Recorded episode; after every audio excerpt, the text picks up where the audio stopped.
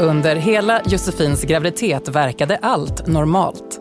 Men i samma sekund som dottern kom till världen märkte Josefin och hennes sambo att bebisens fötter såg annorlunda ut. Det blev början till en lång rad sjukhusbesök och en svår process i att inse att deras nyfödda dotter aldrig kommer att kunna gå, leka eller leva som barn gör mest. Och att deras tid som nyblivna föräldrar blev något helt annat än de sett framför sig. I det här avsnittet av Gravidpodden från Preglife ska vi få höra deras berättelse. Jag som leder podden heter Anna-Karin Andersson och vid min sida har jag Åsa Holstein Litzén, barnmorska och verksamhetschef på Babygruppen. Hej på dig Åsa! Hej på dig Anna-Karin! Under graviditeten är ju en av våra högsta önskningar att barnet ska födas friskt. Eh, för Josefin och Andreas blev det inte så. Hur tänker du att man ska lyssna och ta till sig av det här svåra ämnet som vi tar upp nu? Jag tänker att man ska lyssna på det med stor ödmjukhet inför livet eh, och att man ska lyssna på det och tänka att det nästan oftast föds ett friskt barn. Ehm, och jag tänker också, för vi spelar ju in det här avsnittet efter flera förfrågningar från er lyssnare kring just det här temat. Eh, att man ska vara orädd för kunskap om vad som kan hända. Det är Även när den är svår Ja, men det är ju nämligen så här när man väntar barn, vilket är det som gör det väldigt ångestladdat för många, att det finns ingen hundraprocentig garanti för att allt ska gå bra. Det gör oftast det, men det finns inte en hundraprocentig garanti. Och det är det jag menar med att man ska ha ödmjukhet inför livet. Varmt välkomna säger jag nu till Josefin Wallin och Andreas Lindskog. Tack. Tack. Er dotter Adele är nu 17 månader. Eh, Josefin, hur skulle du beskriva Adele och hennes personlighet? Eh, vi har världens härligaste dotter. Eh, jättesällskapssjuk. Måste alltid vara hos oss. Hon är oftast glad. Eh, Alltså världens underbaraste dotter som jag tror att många känner, eller alla känner till sina barn såklart. Men ja, hon är, hon är en jättehärlig personlighet och mycket karaktär. Men från det att hon föddes har ni och eh, läkare sökt svaret på eh, på vilket sätt Adele skiljer sig från det som vi kallar normalt och friskt. Eh, vad vet ni om hennes diagnos och komplikationer idag? Eh, vi vet att hon har en, eh, en utvecklingsstörning och en muskelsjukdom. Eh, och sen att hon har felställda leder som, som är under behandling. Men det, det är det vi vet. Mm. Och hur yttrar det sig, Andreas? Hur är Adele som bebis? Jo, alltså hon, hon har ju svårt att söka kontakt. och hon är ju, fast hon är 17 månader så är hon extremt muskelsvag. Eh, hon har ingen styrsel på nacken eller ja, övriga kroppsdelar.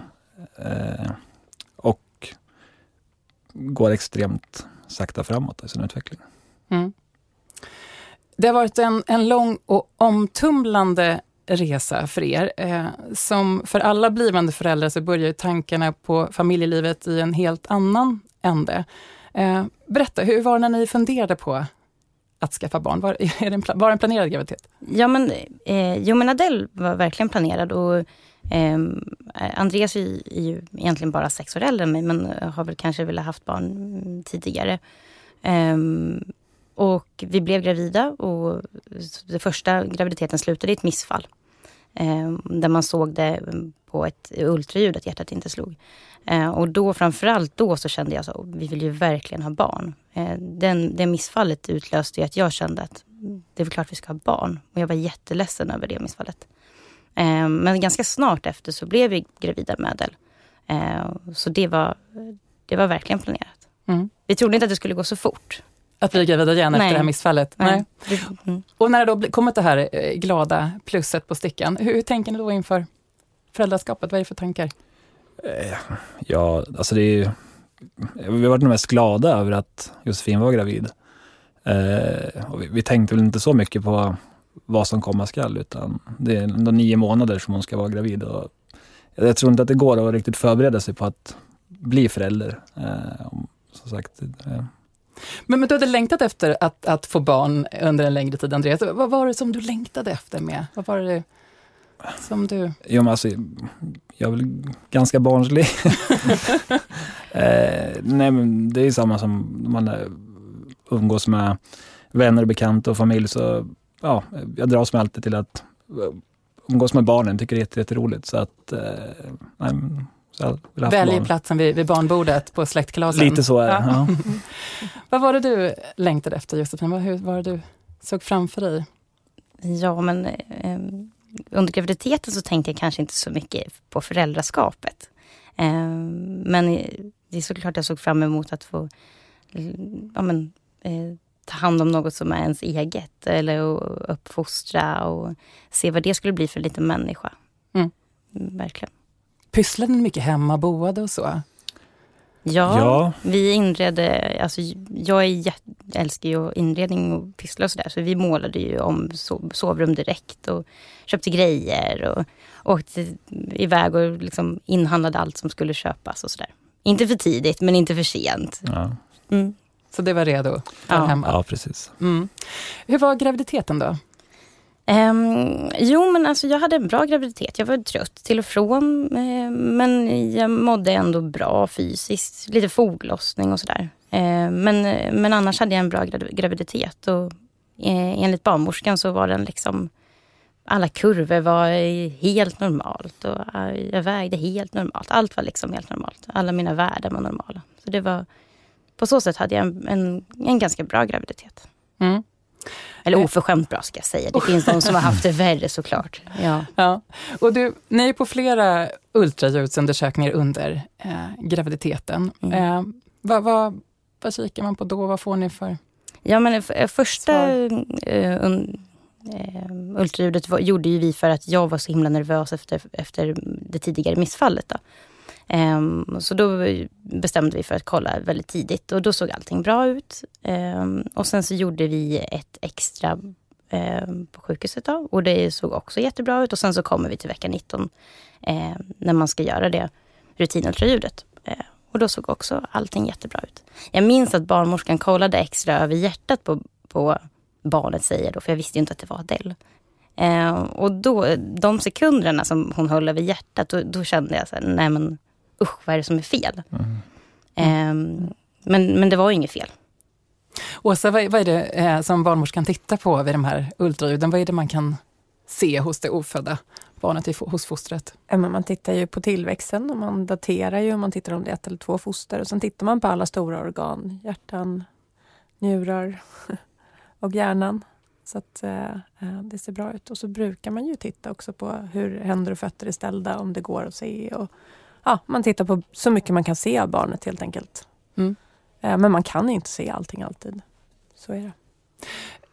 Men efter era besök eh, med de här ultraljuden så tyder allting på att det är precis som, som det ska. Ja. Mm. Eh, inför förlossningen då, hur, hur förberedde ni er? Har du... Vi var ju på den här utbildningen, den här föräldrakursen. Ja, precis. Jag minns att vi såg en, en förlossningsvideo då och sen efter det så skulle vi gå på lunch. Andreas var inte så sugen på lunch. men, eh, jag, alltså jag läste mycket eh, och framförallt så lyssnade jag på poddar. Alltså det gick varmt. Jag, jag åkte mycket bil i jobbet så jag lyssnade på poddar hela tiden. Mm. Jag kände mig verkligen förberedd. Mm. Men, men, du får någon typ av obehagskänsla när du närmar dig runt vecka 30 där. Ja. Eh, vad var det då? Hur kände du då? Ja, men eh, Adele fixerade sig eh, väldigt eh, tidigt. Eh, och det var väl inte såklart inte det som var oron. Men eh, då började jag då, det var då jag började fundera på varför hon fixerade så tidigt. Och troligtvis var hon fixerad redan från vecka 28. Eh, och, är det tidigt då som du vänjer dig? Det är tidigt. Mm. Det är tidigt. Mm. Mm.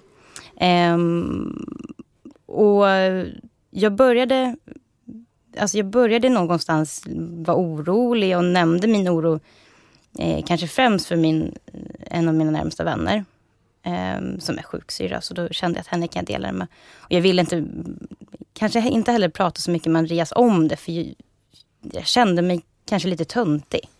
Att varför, varför känner jag de här känslorna? Eh, men sen så ehm, när Del väl kom, om jag får hoppa så långt fram, så, så kände jag igen det som jag hade upplevt. Och då kommer jag till, liksom tillbaka till att ja, men det här, jag har drömt om hennes felställningar. Um, som jag då kunde koppla ihop med det. Men Andreas, du är inte medveten om den här oron, de här mardrömmarna om att någonting kan gå fel nej, under graviditeten? Nej, nej, jag, nej, det är ingenting som jag, när jag tänker tillbaka till, som jag minns att du nämnde eller har pratat med mig om, utan nej, jag tyckte att du hade en bra graviditet, förutom lite som sagt lite foglossningar här och där, men mm. nej, inget, inget sånt som jag kan minnas tillbaka till. Så allt verkar normalt. Och hur är det när, när förlossningen väl kommer igång? Ja, eh, förlossningen kommer igång eh, på natten mellan söndag och må måndag, 40 plus 5. Jag trodde aldrig att min förlossning skulle sätta igång. Alltså jag var så trött på att vara gravid. Varje dag efter liksom 40, då var det som en vecka. Mm. Eh, så jag var lite provocerad. Ehm, men på natten där så satte det igång. Och så stannade vi hemma hela vägen. Ungefär till två så satte det liksom verkarna igång. Eh, men vid tre, så, tre, fyra så ringde vi upp till förlossningen och sa nu kommer vi nog in. Och då sa den barnmorskan, för jag, jag, jag förklarade mina verkar och sådär, så sa hon, men varför kommer ni inte in? Då sa jag, men får jag det? Jag, tänkte, jag hör ju ofta om så första gångsföderskor som bara, nej men vi åker upp och tittar allt. Eh, så jag visste inte riktigt att vi fick åka upp. Eh, men det fick vi såklart. Eh, och redan då, så vid fem, så kände hon att jag var öppen eh, 6-7 centimeter. Och så fick jag snabbt epidural, vilket ju var det bästa jag fått tror jag.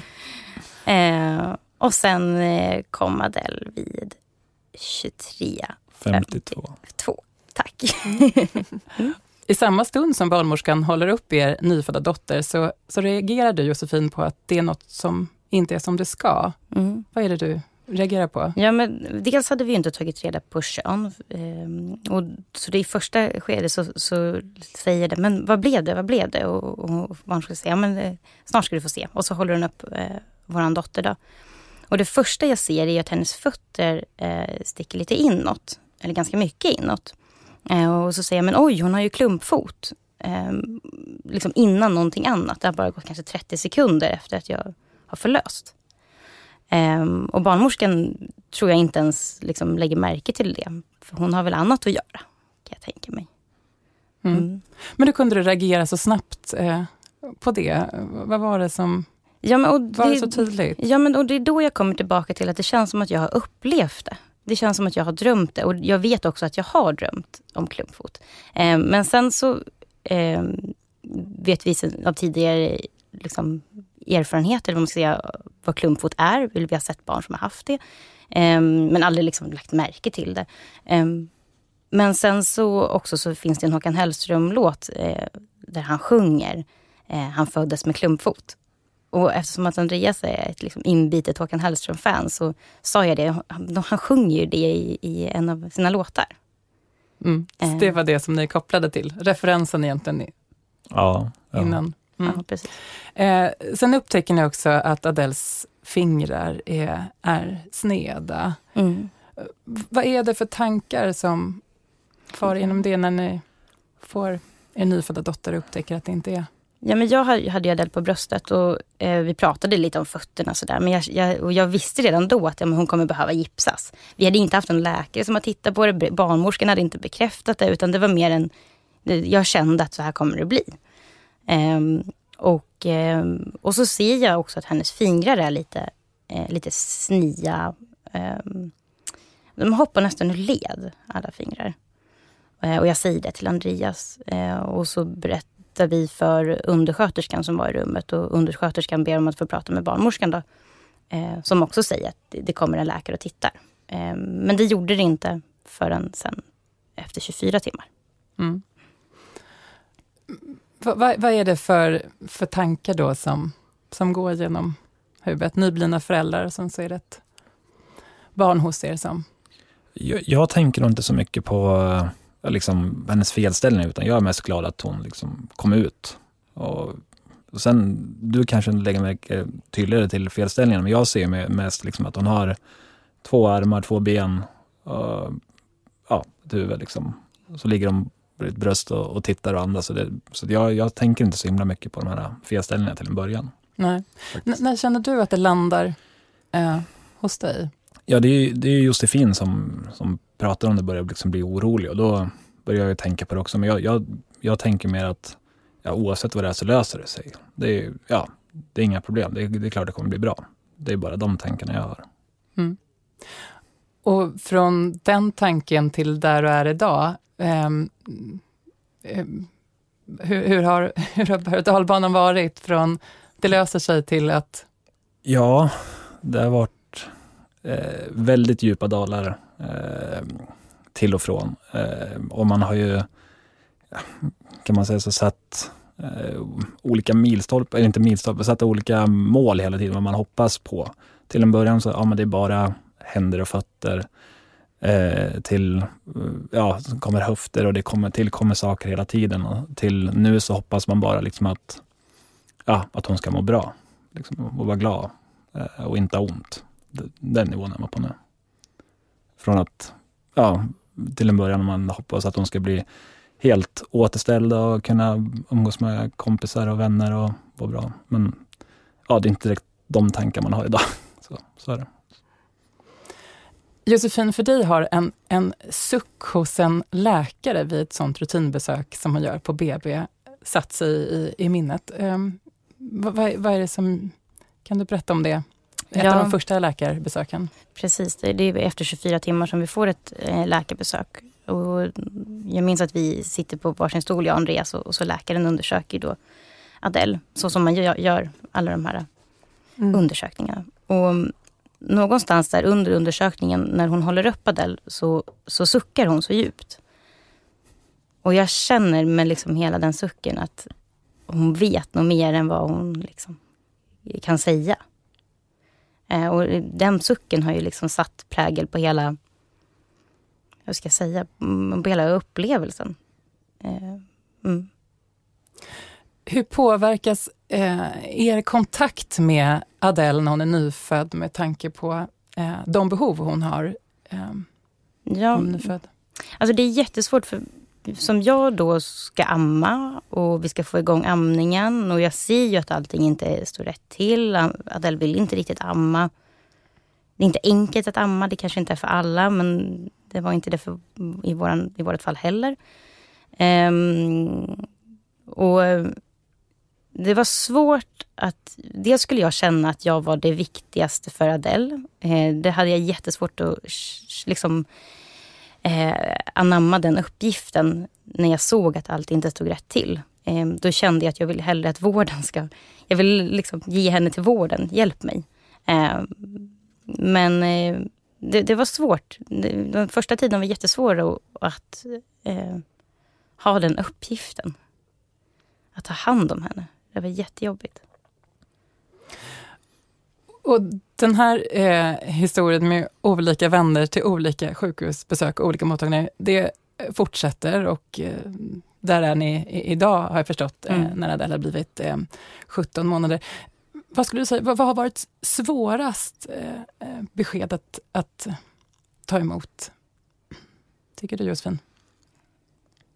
Ja, ehm, det första är ju att, man, att vi tror att vi får ett friskt barn till att få höra att hon aldrig kanske kommer gå. Det var det, var det absolut jobbigaste. Ehm, till att idag så är vi glada om hon överlever. Alltså, men eh, eh det, det, var ju första steget, att, att, tro att vi får ett friskt barn till att hon inte kommer gå. Och, och vad har hjälpt er eh, under den här resan? Vad, vad, vad har ni känt för behov av stöd? Ja, alltså vi har ju fått, våran släkt hjälper oss ju mycket. Mm. Eh, var ju där, var ju fortfarande där väldigt mycket för oss och hjälper till. Eh, men sen för min del så tror jag också att det har hjälpt väldigt mycket att inte jag att man inte har förstått. Jag, jag personligen har, inte, jag har varit kanske överoptimistisk. För hade jag vetat, hade man vetat från början att det skulle bli så här, då hade man nog ja, grävt ner sig och blivit extremt deprimerad från start. Utan jag har alltid trott att allting löser det, kommer, liksom, det kommer bli bra. Och, så du har levt lite på hoppet och haft hjälp av det i, ja, i den här processen jag. trots allt? Absolut. Mm. Och sen, vi har ju mycket humor, vi alltså, älskar att skratta och det har ju hjälpt oss jättemycket att ha varandra. I liksom de tuffaste stunderna så har ju liksom Andreas kunnat ändå typ dra ett skämt och vi har kunnat skratta. Och det har varit jättehärligt. Och det har ju också Adele behövt.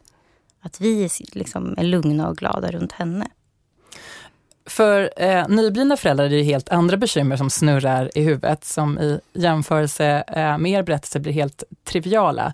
Det är amning och störd nattsömn och sånt där, och skrik som man inte riktigt kan tolka. Den här typen av vardagsdilemman med spädbarn, eh, hur var de för er mitt i allt det här andra? Ja, sömnen var ju den var ju totalt noll. Och jag minns att jag, även när hon sov så jag, alltså, jag kunde absolut inte sova. Jag, jag trodde att nu vilken sekund som helst så kommer hon sluta andas. Um, så de första månaderna så, även om hon kanske sov, så sov vi ingenting. Uh, och amningen funkade inte riktigt som den skulle.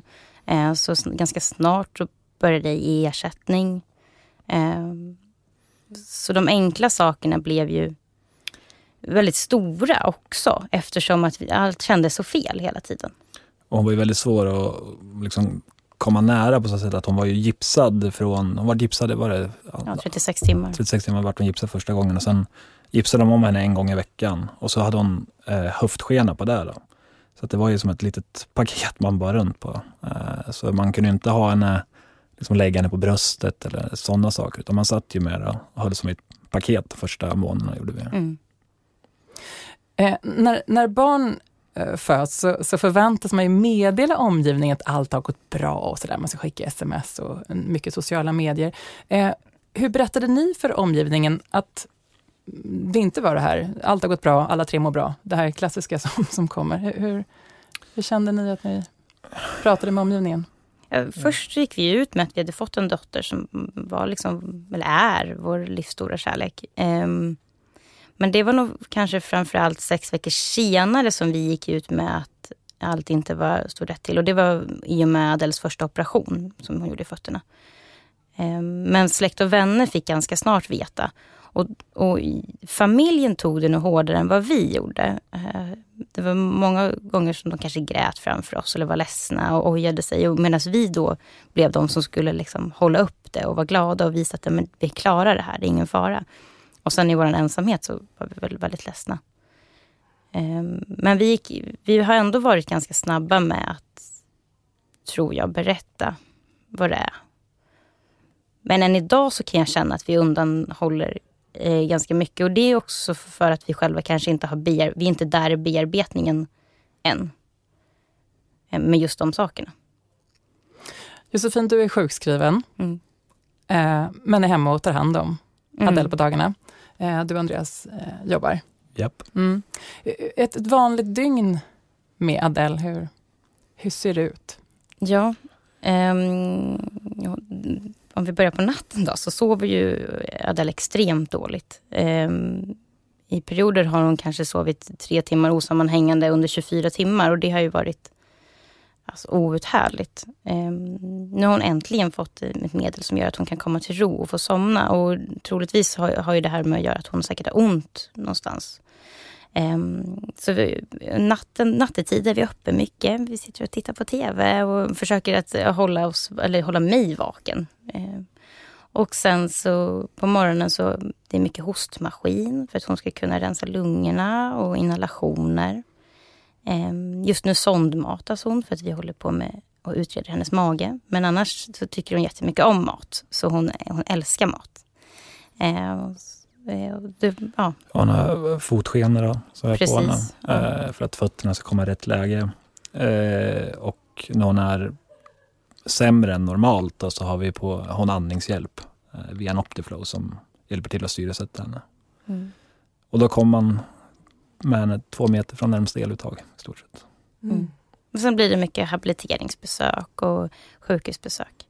Och habiliteringsbesöken kan jag tycka är väldigt eh, det är ganska härligt att få komma iväg hemifrån och åka till habiliteringen för, med specialpedagoger eller sjukgymnaster. Och sådär. Bada. Och bada. Mm. Adele älskar att bada. Eh, det är jättehärligt. Mm. Mm. Och då får du bada med henne? Ja. ja. Och det är så roligt. Ja, det förstår jag. Ja, hon tycker det är jättehärligt. Och hon blir ju själv så lätt i vattnet. Ja. Så då, då sprattlar hon. Hon använder sina ben ganska mycket i, i vanliga fall också. Men, och sprattlar liksom. Men i vattnet då, är hon, då plaskar det. Mm.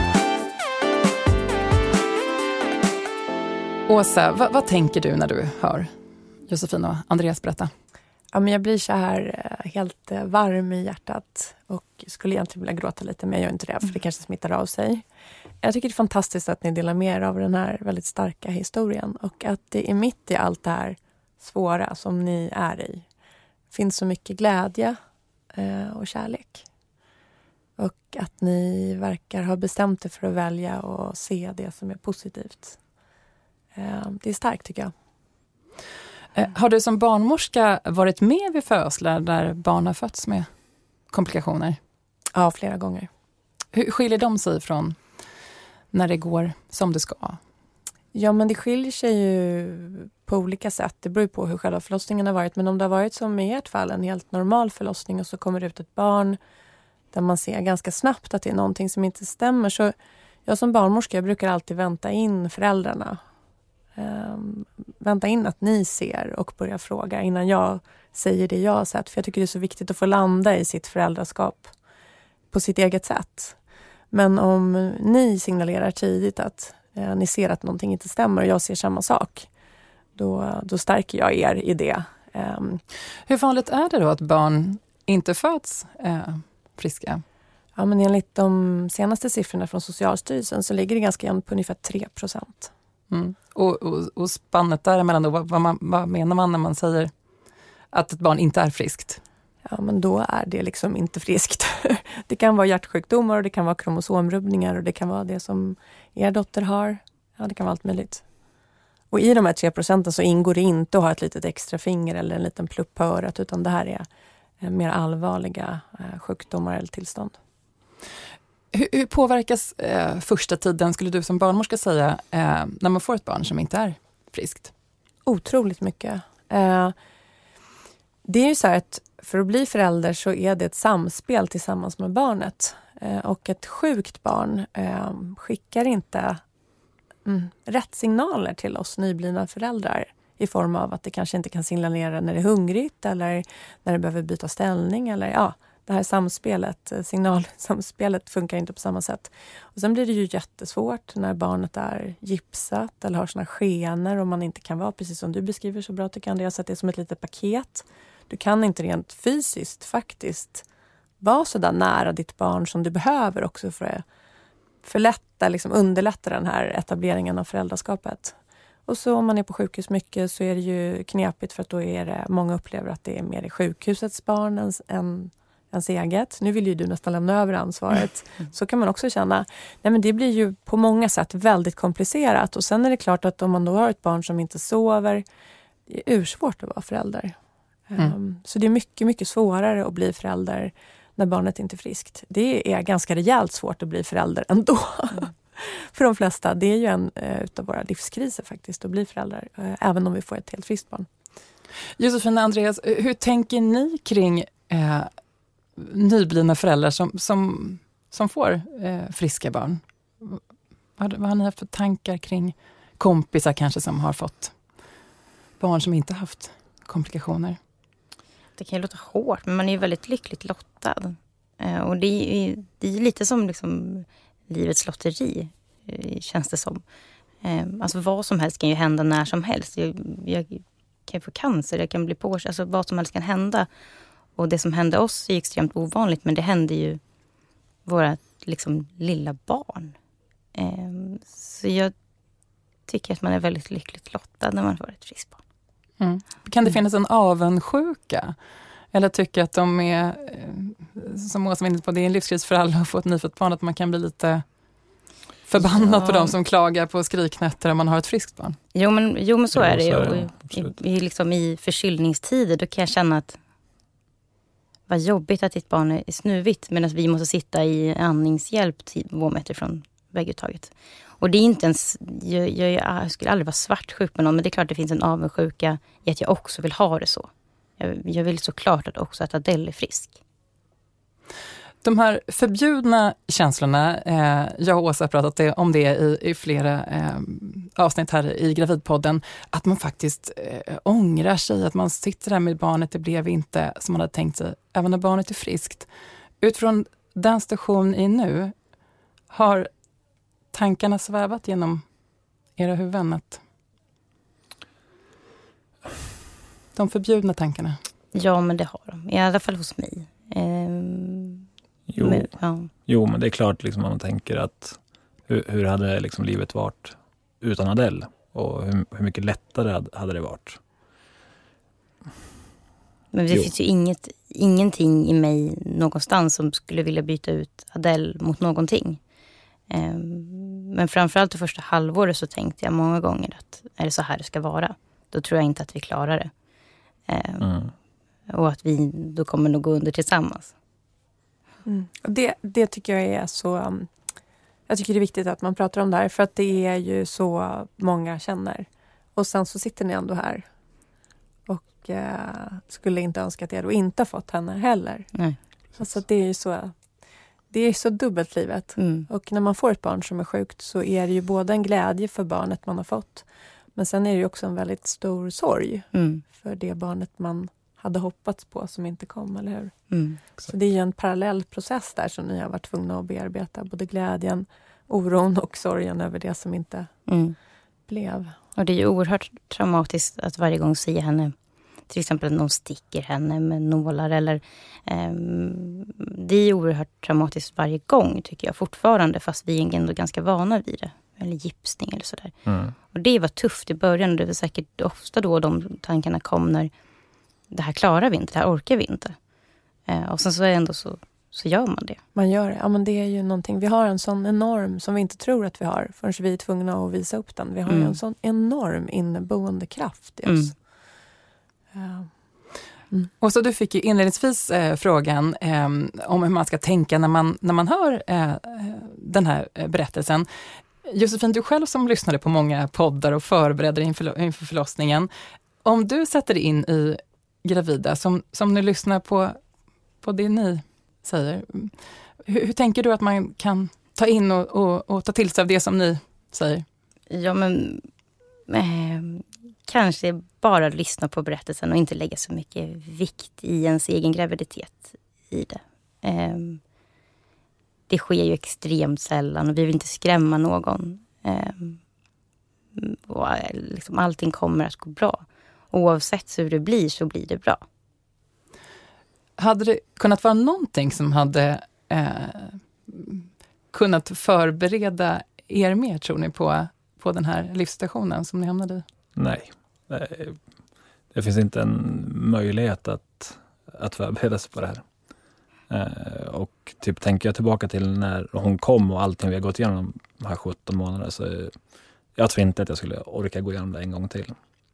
Så att man är lite glad att man inte vet vad som händer framöver. Eh, Vi som är föräldrar till, till friska barn, eh, hur kan vi tänka eh, när vi träffar eh, er som har en annan bild av familjelivet? Men jag tycker att det är så viktigt att inkludera alla. Och det är, ju- är aldrig någonsin har jag känt så mycket så att vi måste, vi måste liksom inkludera alla. Det gäller alltid.